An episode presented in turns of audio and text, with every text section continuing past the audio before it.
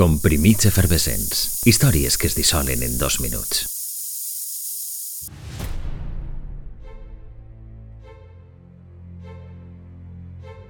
El complex va ser concebut per un senyor que patia de vertigen.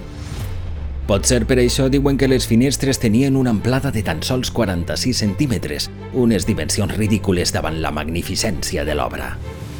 L'arquitecte Minoru Yamasaki moriria sense saber que la seva creació més cèlebre seria assolada per la inconsciència humana. Un 4 d'abril a Nova York inauguraven el World Trade Center.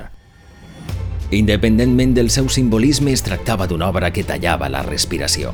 Els anys 40 sorgí la necessitat de reactivar econòmicament el sud de Manhattan i van encarregar Yamasaki el disseny dels set edificis que constituirien el World Trade Center.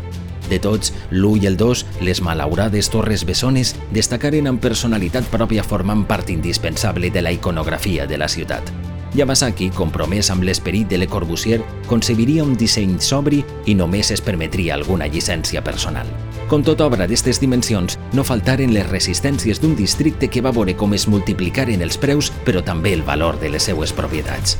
Finalment, allà treballarien 50.000 persones i les visites arribarien a les 200.000 diàries. El World Trade Center seria mil coses, plató de cine, desafiament per a funambulistes i víctima d'incendis i atemptats.